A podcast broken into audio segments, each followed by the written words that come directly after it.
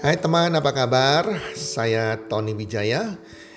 Saya mengucapkan selamat datang dan selamat uh, mendengarkan podcast kami. Melalui podcast ini, kami memiliki misi bagi pendengarnya agar setiap pendengarnya bisa memiliki kehidupan yang sehat, sejahtera, dan berbahagia. Kami ingin menjadi sebuah cahaya lilin di tengah kegelapan yang bisa memberikan harapan, manfaat, dan solusi bagi setiap pendengarnya. Selamat mendengarkan podcast kami dan semoga Anda menjadi pendengar untuk podcast-podcast kami berikutnya. Salam 1 2 3 salam sehat, sejahtera dan bahagia.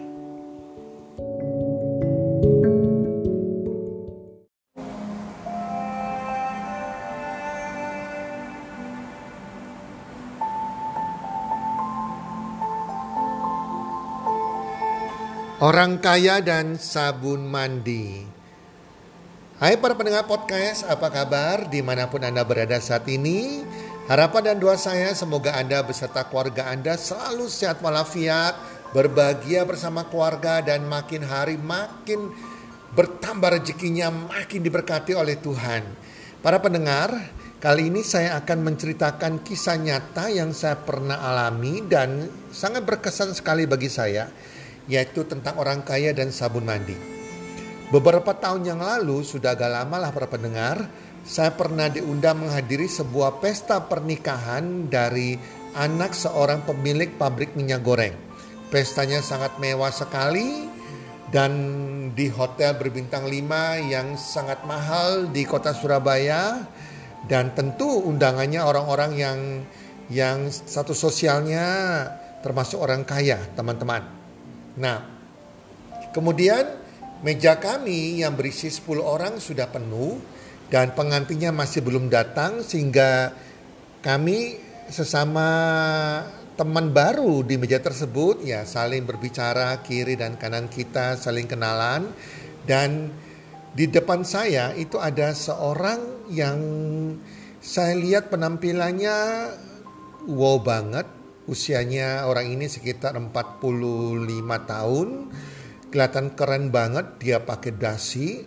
Sudah dari posturnya uh, pasti ini orang kaya banget karena dia juga pakai dandannya rapi, dia pakai jam tangan Rolex yang berkilau, kemudian cincinnya blue sapphire yang dikelilingi oleh berlian yang berliannya memancarkan cahaya oleh kilaunya lampu di hotel tersebut kelihatan sekali orang ini berbeda dan kelihatan sekali orang ini sangat kaya teman-teman.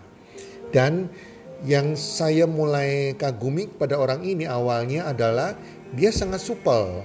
Dia kaya tapi sangat ramah sekali. Dia memperkenalkan dirinya kepada kami masing-masing.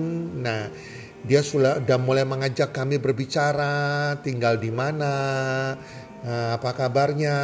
Kemudian saya mulai menghargai respect pada orang yang di depan saya ini karena beliau kaya dan tidak sombong ya dan sangat supel sekali, sangat ramah sekali.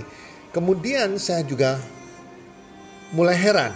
Beberapa menit kemudian saya mulai heran karena orang tersebut sudah mulai bertanya kepada masing-masing kami yang ada di meja tersebut. Teman-teman, Anda kalau biasanya mandi pakai sabun apa? Dia tanya satu persatu sabunnya, harganya berapa? Terus kami sebutkan harganya, ya, merek sabunnya, dan dia katakan, percuma pakai sabun mahal-mahal. Yang kalian pakai semua tuh sabun mahal, dia bilang. Saya pakai sabun hanya seharga Waktu itu dia sebutkan harganya kurang lebih seribu rupiah. Dan dia sebut mereknya. Saya kaget sekali karena merek ini saya tahu sabun yang biasa dipakai pembantu saya, pembantu asisten rumah tangga kami.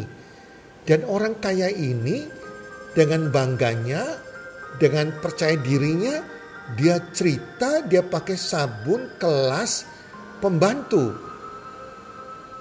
dengan tanpa perasaan malu. Dan dia katakan begini, sabun mahal belum tentu bagus sabun murah belum tentu jelek. Coba Anda, coba, kalau ke supermarket beli sabun merek ini. Dia sebutkan mereknya, Anda coba pakai, wow dia bilang saya sangat suka sabun ini. Sampai tipis terakhir itu tetap harum dia bilang. Parfumnya mewah sekali dan sampai tipis terakhir sabunnya tetap harum. Dan dia tunjukkan dengan tangannya sampai tipis terakhir.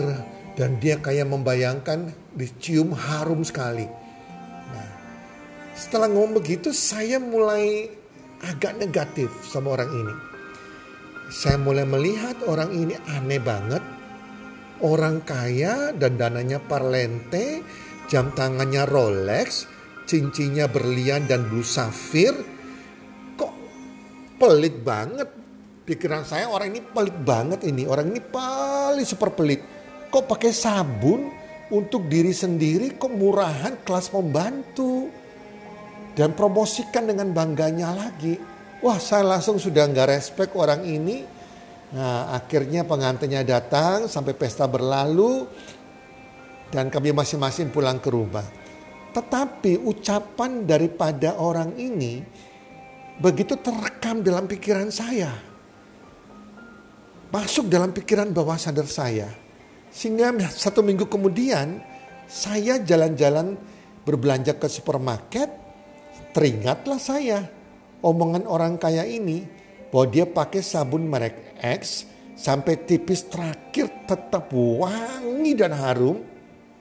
Saya penasaran dan saya cari sabun itu. Saya ketemu merek itu dan saya beli. saya beli teman-teman. Begitu saya beli saya pakai mandi awalnya memang harum, tetapi apa yang dikatakan itu juga nggak benar. Belum sampai setengah, baru sepertiga harumnya sabun itu sudah hilang, sudah nggak harum lagi. Seperti sabun-sabun murahan yang lain. Maaf kata. Dan saya setengah dongkol saya bilang, waduh orang ini ya sudah kaya promosinya ngawur lagi. Hah, dan teman-teman, akhirnya lewatlah waktu bulan demi bulan. Kalau nggak salah setelah itu tiga bulan kemudian. Ada sepupu saya dari luar pulau datang ke Surabaya dan minta saya temani ke pabrik sabun. Satu pabrik sabun di wilayah Jawa Timur yang di mana dia mau eh, menawarkan diri jadi distributornya. Saya temani sepupu saya tersebut, kita ke pabrik tersebut dan kita ketemu dengan uh, direktur utama atau CEO-nya. Nah, jadi anak pemilik pabrik sabun tersebut. Begitu orangnya ini keluar, saya kaget sekali. Ternyata inilah Mr. X yang saya ketemu di pesta pernikahan tersebut. Orang kaya yang memakai sabun mandi yang dia promosikan sabun mandinya padahal sabun mandinya itu harganya sangat murah sekali. Saya kaget karena saya ingat sekali wajahnya ternyata dia adalah pemilik daripada sabun tersebut teman-teman. Langsung negatif saya hilang, saya respect banget pada orang ini. Akhirnya ipar saya juga jadi distributor sabun ini khususnya di luar pulau. Para pendengar podcast, apa yang kita belajar dari hal ini? Kita belajar bahwa kalau kita pemilik sebuah produk, kita tidak akan malu mempromosikan produk kita. Di mana saja, kapan saja, kepada siapa saja, sebagai pengusaha, wirausaha yang punya produk tersebut, kita akan ceritakan produk kita. Walaupun produk kita itu dianggap orang produk murahan, dianggap orang kelas pembantu sekalipun kita bangga, kita nggak pernah malu. Itu adalah sikap mental seorang pemilik usaha. Sikap mental sebagai seorang pengusaha. Dan saya percaya kalau pemilik bos Honda, kendaraan Honda ataupun bos Toyota, mereka tidak akan naik mobil Ferrari. Walaupun Ferrari lebih mahal teman-teman mereka tetap naik produk mereka. Bosnya Honda tetap naik Honda, tidak akan naik Ferrari. Demikian juga bosnya Toyota akan naik dengan bangga mobil Toyotanya, tidak akan naik Ferrari. Jadi itu adalah sebuah kisah nyata yang saya alami menunjukkan bagaimana sikap seorang pengusaha. Jadi kalau hari ini Anda seorang pengusaha, Anda punya produk Anda sendiri. Jangan pernah malu mempromosikan produk Anda. Di mana saja, kapan saja, promosikan produk Anda kepada siapa saja. Oke teman-teman, para pendengar podcast, semoga kisah tersebut bermanfaat bagi Anda dan salam sukses. One, two, three.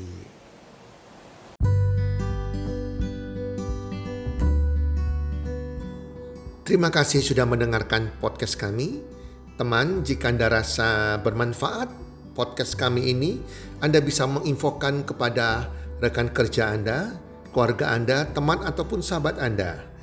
Dan jika ada hal-hal yang Anda ingin tanyakan kepada kami ataupun topik-topik apa yang Anda ingin kami bawakan, kami sampaikan, Anda bisa DM kami di Instagram kami healthcommunity.id.